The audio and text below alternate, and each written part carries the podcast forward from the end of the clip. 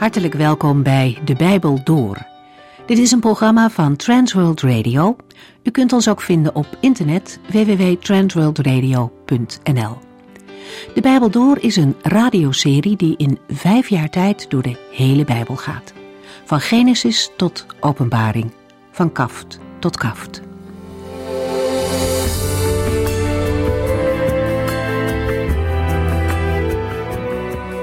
Lieve mensen, welkom. In hoofdstuk 8 en 9 van het Bijbelboek Openbaring worden oordelen beschreven die de aarde op een dag zullen treffen. Het zijn beangstigende dingen. En laten we onszelf niet wijsmaken dat het allemaal wel mee zal vallen. Mensen hebben soms moeite met de oordelende kant van God, omdat ze denken dat dat niet past bij zijn liefde. De Heere zelf geeft echter nergens aanleiding om zo te denken. Zijn liefde vindt niet alles goed en ook al is God liefde, hij zal rechtvaardig oordelen over alle onrecht en alle kwaad. Maar voor het zover is, waarschuwt de Heer. Het oordeel komt nooit zonder waarschuwing. Altijd biedt de Heer de mogelijkheid tot bekering en herstel. De profeet Joël zei het zo. Kom nu bij mij terug, nu het nog kan. Geef mij heel uw hart. Kom met vasten, tranen en in rouw. Scheur van verdriet uw hart niet uw kleren. Ga terug naar de Heere uw God, want Hij is genadig. Die genade van de Heere is onvoorstelbaar groot, maar net zo groot is ook zijn toren over de zonde. Zijn liefde sluit zijn boosheid over het kwade niet uit. Het is verstandig om te luisteren naar wat de Heere zelf te zeggen heeft over de eindtijd. In Openbaring hoofdstuk 9 vindt het oordeel van de vijfde bazuin plaats. De eerste vier bazuinen hadden vooral betrekking op de natuur, maar dit oordeel treft de mensen op een vreselijke manier. Er wordt een put naar de onderwereld, de verblijfplaats van de demonen, geopend. Daaruit komen sprinkhanen tevoorschijn. Het gaat hier niet om gewone sprinkhanen, maar om demonische machten. Zij krijgen de macht om mensen aan te vallen en te tyranniseren. Er is echter een uitzondering. Mensen die het zegel van God op hun voorhoofd hebben, worden beschermd tegen de aanvallen van het kwaad. Over hen hebben die sprinkhanen geen macht. Hier zien we dat de macht van de duisternis haar eigen kinderen verslindt. De sprinkhanen doden de mensen niet, maar laten hen vijf maanden lang ondraaglijk lijden. Zozeer dat de mensen liever willen sterven, maar dat is niet mogelijk. Het oordeel dat met de zesde bazuin in gang gezet wordt, is nog zwaarder. Deze keer sterven er buitengewoon veel mensen. Het is tegelijkertijd een laatste, maar vergeefse oproep aan de bewoners van de aarde om zich alsnog te bekeren. We lezen nu de laatste verse van Openbaring hoofdstuk 9.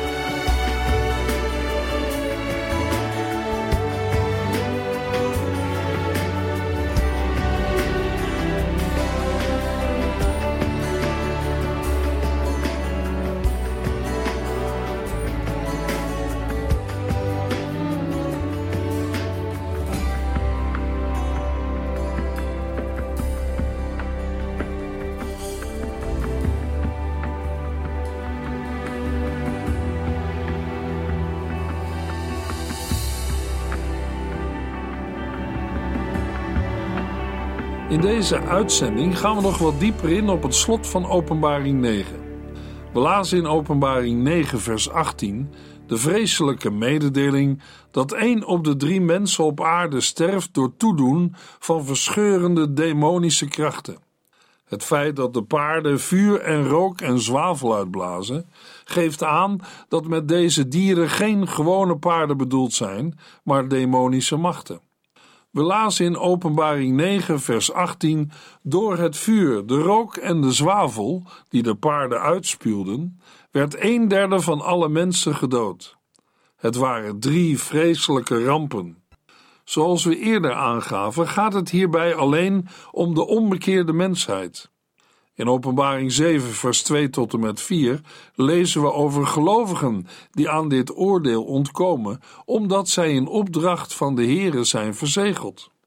De combinatie van vuur en zwavel in vers 18 vinden we ook in de geschiedenis van Sodom en Gomorra in Genesis 19, vers 24. Beide elementen worden meerdere malen in openbaring genoemd, als instrumenten van Gods oordeel. Deze twee helse elementen zijn hier gecombineerd met de rook uit de onderwereld, waarover in Openbaring 9, vers 2 en 3 werd geschreven. Verder vertelt Openbaring 9, vers 19 ons: De dodelijke macht van de paarden zat niet alleen in hun mond, maar ook in hun staart, die er als een slang uitzag. Aan het einde van die staart zat een slangenkop, en daarmee brachten ze anderen schade toe. Nadat het effect van het optreden van het enorme leger is beschreven, volgt in vers 19 een verdere beschrijving van het uiterlijk van de paarden. Het woord macht vormt weer een verbinding met de vorige bazuin. Het duidt in vers 19, net als in vers 10, op de mogelijkheid om de mensen te pijnigen. De macht van de monden van de paarden werd al eerder in Openbaring 9 beschreven. Er komen rook, vuur en zwavel uit. Over de staarten van deze vreselijke paarden is niet eerder gesproken. Het blijkt dat ze de vorm hebben van de kop van een slang. Dat houdt in dat deze monsters ook kunnen doden door met hun staart te bijten en dodelijk gif in hun slachtoffer spuiten. Zo brengen zij verwoesting en ondergang. In vers 19 wordt eens te meer duidelijk dat het bij deze bazuin, net als bij de vorige, niet gaat om de beschrijving van een gewoon leger met gewone paarden. Johannes tekent ons demonische machten die een derde deel van de mensheid doden. En wat werkt het uit? We lezen het in Openbaring 9, vers 20. Maar de mensen die niet bij de rampen waren omgekomen, wilden hun oude manier van leven niet opgeven.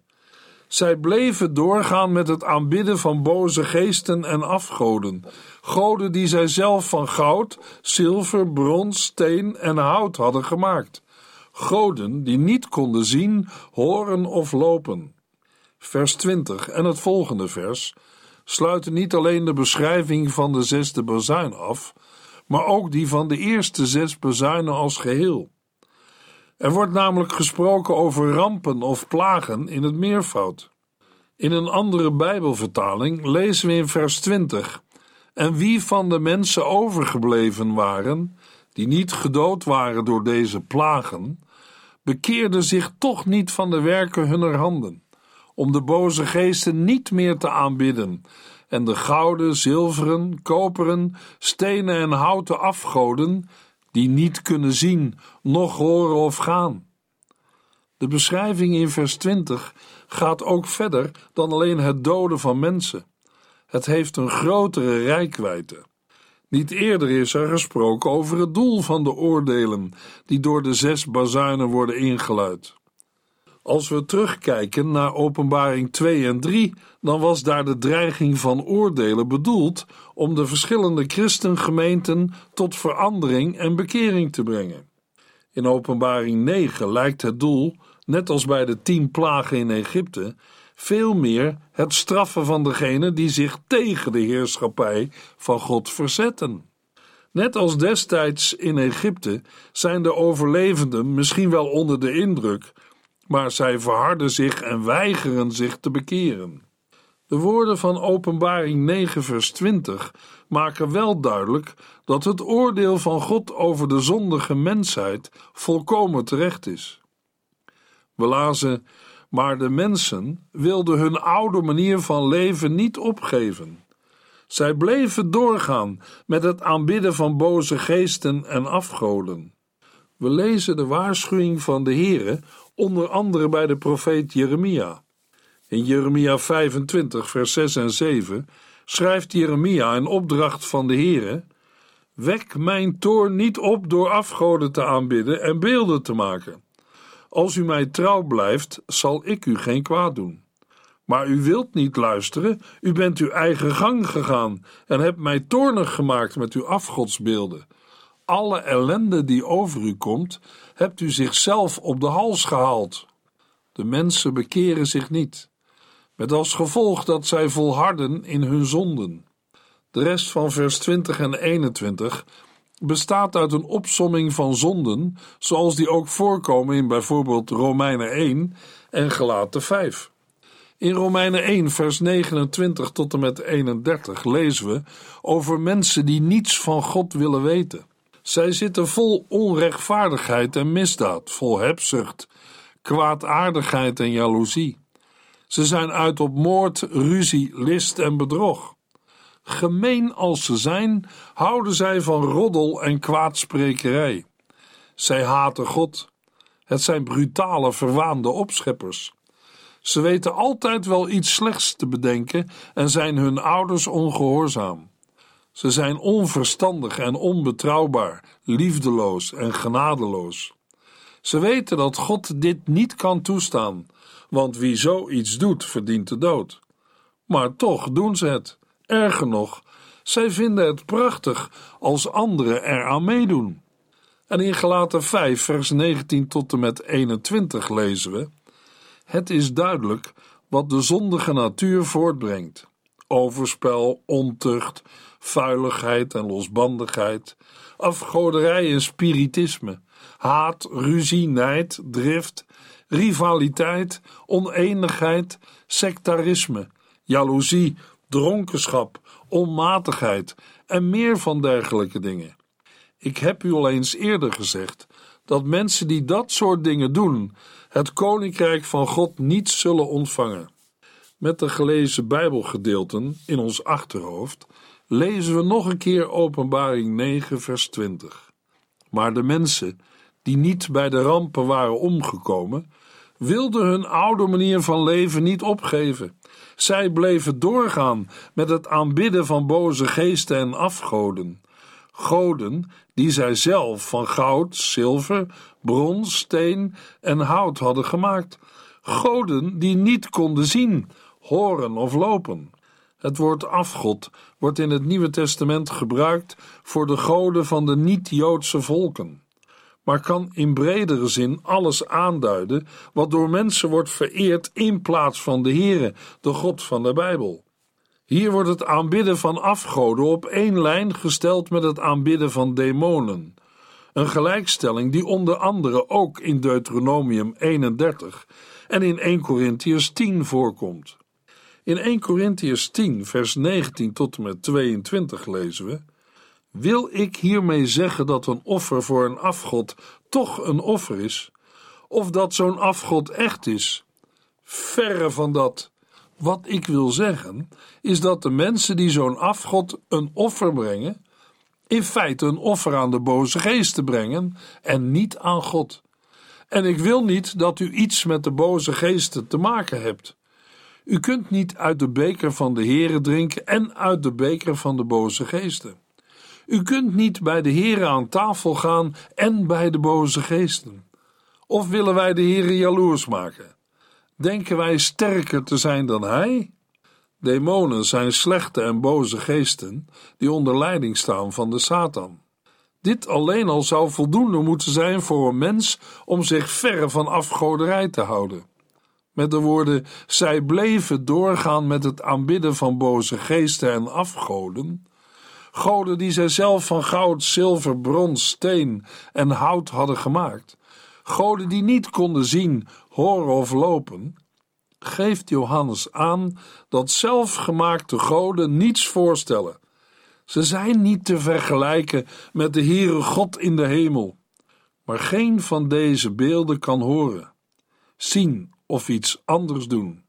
Dat tekent de onmacht van alle machten, geesten en afgoden buiten de ware God.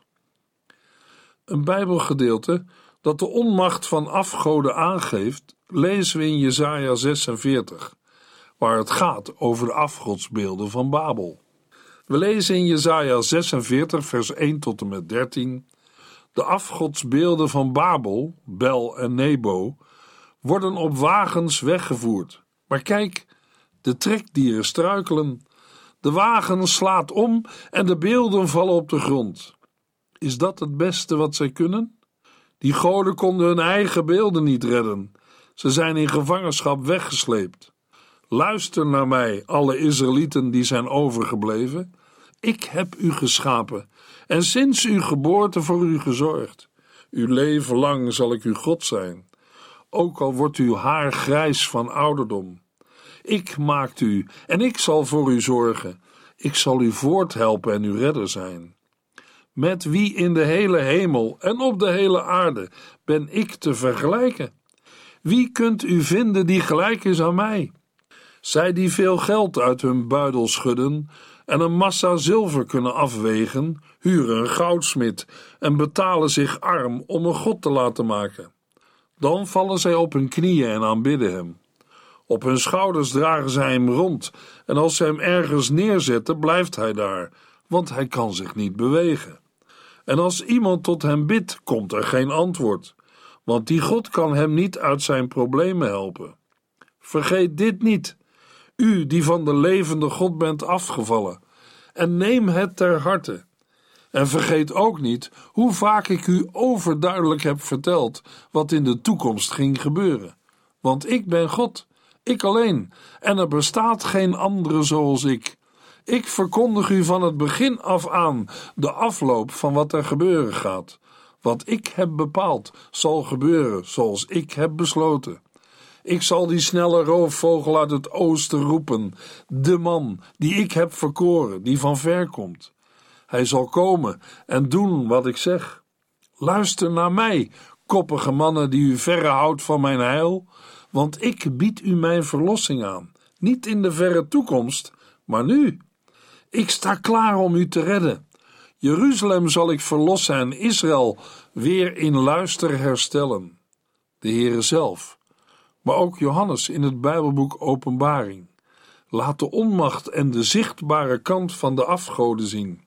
Hun beelden kunnen even goed van allerlei fraaie als van heel simpele materialen zijn gemaakt. Maar ze kunnen zich niet meten met de God die onze adem in zijn hand heeft en over ons levenslot beschikt. Openbaring 9, vers 21.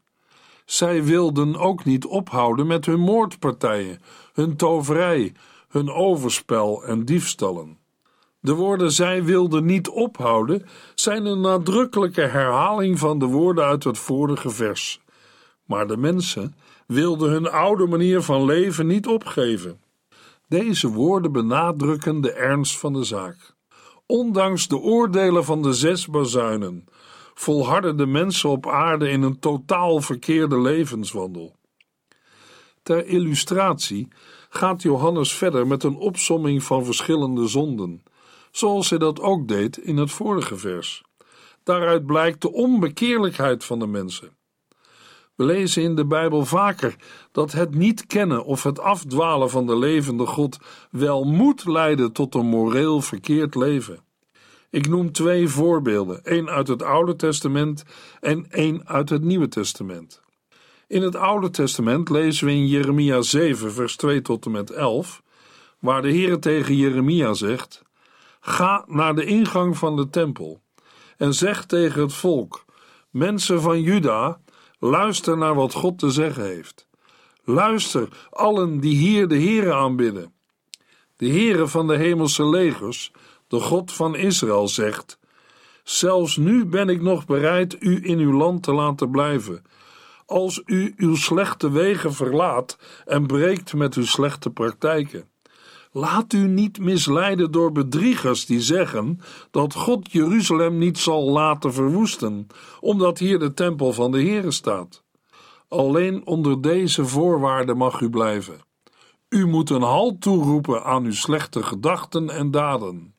U moet elkaar rechtvaardig behandelen en u moet wezen, weduwen en vreemdelingen niet langer uitbuiten. Houd op met moorden en houd op met het aanbidden van afgoden, zoals u nu tot uw eigen schade doet. Alleen dan zal ik u laten wonen in dit land, dat ik als een eeuwig bezit aan uw voorouders heb gegeven. Bedrieg uzelf toch niet met leugenachtige overwegingen. Denkt u werkelijk dat u kunt stelen, moorden, overspel kunt plegen, liegen en Baal vereren en al die andere goden die u eerst niet kende, en dan ook nog voor mij in mijn tempel kunt komen staan en jubelen: wij zijn verlost? Om dan gelijk weer door te gaan met al deze gruwelijke daden? Is mijn tempel een rovershol in uw ogen? Want ik zie al het kwaad dat in die tempel gebeurt. Een tweede voorbeeld lezen we in het Nieuwe Testament, in Romeinen 1, vers 18 tot en met 32. Vanuit de hemel straft God alle slechte, zondige mensen die door hun slechtheid de waarheid over Hem in de weg staan. Want die mensen kunnen heel goed weten dat God er is. Hij heeft het hun zelf bekendgemaakt. God is wel onzichtbaar, maar uit alles wat Hij geschapen heeft, blijken Zijn eeuwige kracht en goddelijkheid. Want sinds het ontstaan van de wereld is Zijn bestaan duidelijk te herkennen uit wat Hij gemaakt heeft. Daarom hebben de mensen geen enkele verontschuldiging. Hoewel de mensen in staat waren God te kennen, wilden ze Hem niet de eer geven die Hem toekomt, en Hem niet eens danken voor alles wat Hij heeft gedaan. Zij hielden zich met allerlei ideeën bezig. In hun verdwazing raakten zij het spoor bijster. Hoewel zij dachten dat ze alles wisten, waren zij in werkelijkheid dom. In plaats van de eeuwige God te eren, maakten zij afgodsbeelden van sterfelijke mensen, vogels, zoogdieren en reptielen.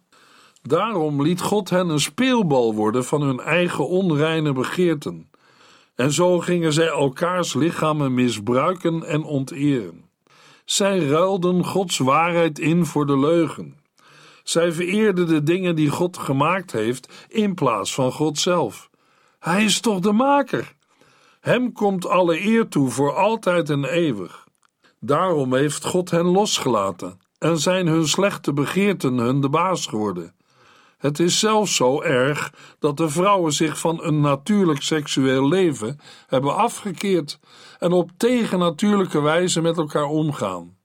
En met de mannen is het al even erg. Die willen niets meer weten van een natuurlijke seksuele omgang met vrouwen, maar branden van begeerte naar elkaar. Mannen die schandelijke dingen doen met andere mannen. Zo ondervinden zij de straf die ze verdienen voor hun afdwalen van God omdat zij niets van God wilden weten, heeft God hen overgelaten aan alles wat in hun verdorven gedachten opkomt. Zij gaan zich te buiten aan allerlei onbehoorlijke dingen. Zij zitten vol onrechtvaardigheid en misdaad, vol hebzucht, kwaadaardigheid en jaloezie. Ze zijn uit op moord, ruzie, list en bedrog. Gemeen als ze zijn, houden zij van roddel en kwaadsprekerij. Ze haten God het zijn brutale, verwaande opscheppers. Ze weten altijd wel iets slechts te bedenken en zijn hun ouders ongehoorzaam. Ze zijn onverstandig en onbetrouwbaar, liefdeloos en genadeloos. Zij weten dat God dit niet kan toestaan, want wie zoiets doet, verdient de dood. Maar toch doen ze het, erger nog. Zij vinden het prachtig als anderen eraan meedoen. Johannes schrijft in Openbaring 9, vers 21: Zij wilden ook niet ophouden met hun moordpartijen, hun toverij, hun overspel en diefstallen. Drie van de vier hier genoemde zonden zijn overtredingen van het vijfde, zesde en zevende gebod uit Exodus 20. De combinatie van toverij en overspel of hoererij herinnert aan 2 Koningen 9 waar het gaat over de goddeloze koningin Izebel, die ook in Openbaring 2 wordt genoemd. De betekenis van het Griekse woord voor toverij betekent één geneesmiddelen of tovermiddelen en het gebruiken van deze middelen, twee vergiftiging en drie toverij en magie. Het woord duidt zowel vergiftigen en betoveringen aan als het gebruiken van medicijnen. Het kan ook wijzen op het gebruik van roesmiddelen. In geestelijke zin kunnen we aan geestelijke verdoving denken. Het Griekse woord voor overspel betekent ontucht of hoererij. Het is de enige van de vier genoemde zonden die in het Grieks in het enkelvoud staat. Het is dan ook een verzamelnaam voor allerlei vormen van seksuele immoraliteit. We lezen verder in Openbaring 10, vers 1. Toen zag ik een andere machtige engel uit de hemel komen. Hij was gehuld in een wolk en had een regenboog rondom zijn hoofd. Zoals eerder het openen van de zeven zegels na het zesde zegel onderbroken werd door Openbaring 7, zo onderbreekt nu Openbaring 10, vers 1 tot en met 11, vers 14 het blazen van de bazuinen. Zes hebben er geklonken in Openbaring 8 en 9. Maar pas in Openbaring 11, vers 15 blaast de zevende engel op zijn bazuin. Veel van wat Johannes in deze hoofdstukken beschrijft, doet denken aan de hoofdstukken 10 tot en met 12 uit het Bijbelboek Daniel. Vanaf Openbaring 4, vers 1 bevond Johannes zich in de geest in de hemel. Maar uit Openbaring 10, vers 1 blijkt dat Johannes het visioen dat nu wordt beschreven op aarde kreeg. Toen zag ik een andere machtige engel uit de hemel komen. Met de woorden een andere machtige engel roept Johannes de herinnering op aan de eerdere sterke engel die in Openbaring 5, vers 2 werd vermeld. Er zijn nog een aantal andere overeenkomsten tussen Openbaring 5 en 10, maar die komen in de volgende verse aan de orde. Het woord machtig of sterk kan zowel op geestelijke als lichamelijke kracht wijzen en herinnert aan de beschrijving van de engel in Daniel 10. De Joodse traditie noemt deze engel Gabriel, maar Johannes noemt in hoofdstuk 10 geen naam. Anders dan van vorige engelen in openbaring wordt het opvallende uiterlijk van deze engel uitvoerig beschreven. Er worden vier aspecten genoemd die allemaal aan de beschrijving van de Heer Jezus in Openbaring 1 herinneren. Daarom denken veel Bijbeluitleggers dat de engel in Openbaring 10 de Heer Jezus zelf is, of anders de engel van de Heer uit het Oude Testament, die volgens velen een verschijningsvorm van de Heer Jezus is. Maar als Johannes werkelijk meende dat deze engel Christus is, zou hij dat dan niet hebben gezegd? Bovendien wordt de engel niet aanbeden. Naar mijn mening hebben we te maken met een belangrijke engel die, gelet op de bijzondere beschrijving, blijkbaar een belangrijke opdracht zal gaan uitvoeren. Vanwege de unieke rol van deze engel en de koninklijke wijze waarop hij wordt beschreven, is het goed mogelijk dat deze engel dezelfde is als degene die in Openbaring 1 vers 1 en Openbaring 22 vers 16 wordt genoemd. De wolk en de regenboog wijzen op de hemelse heerlijkheid van de engel. De regenboog is tegelijk een teken van de trouw en de genade van God. In de volgende uitzending lezen we verder in Openbaring 10.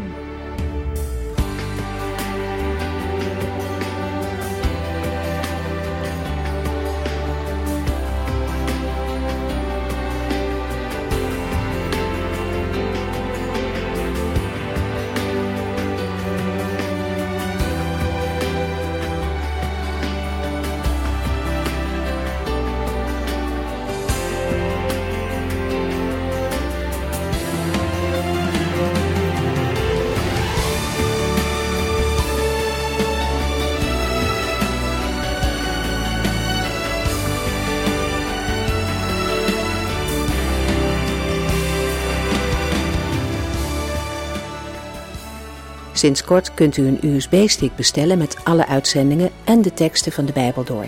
Ons adres volgt in de afkondiging. En hier eindigt deze aflevering van De Bijbel Door. Een serie programma's van Transworld Radio. Wilt u ons iets vragen of meer weten? Dan kunt u altijd contact met ons opnemen. Bellen kan overdag met 0342 478432. Per post Transworld Radio, postbus 371, postcode 3770, Anton Johannes in Barneveld. En e-mailen kan ook. De Bijbel door at transworldradio.nl En natuurlijk ook via onze website transworldradio.nl Dit programma werd gepresenteerd door Cor Weda en Ike André. En namens iedereen die er nog meer aan meegewerkt heeft, graag tot de volgende keer.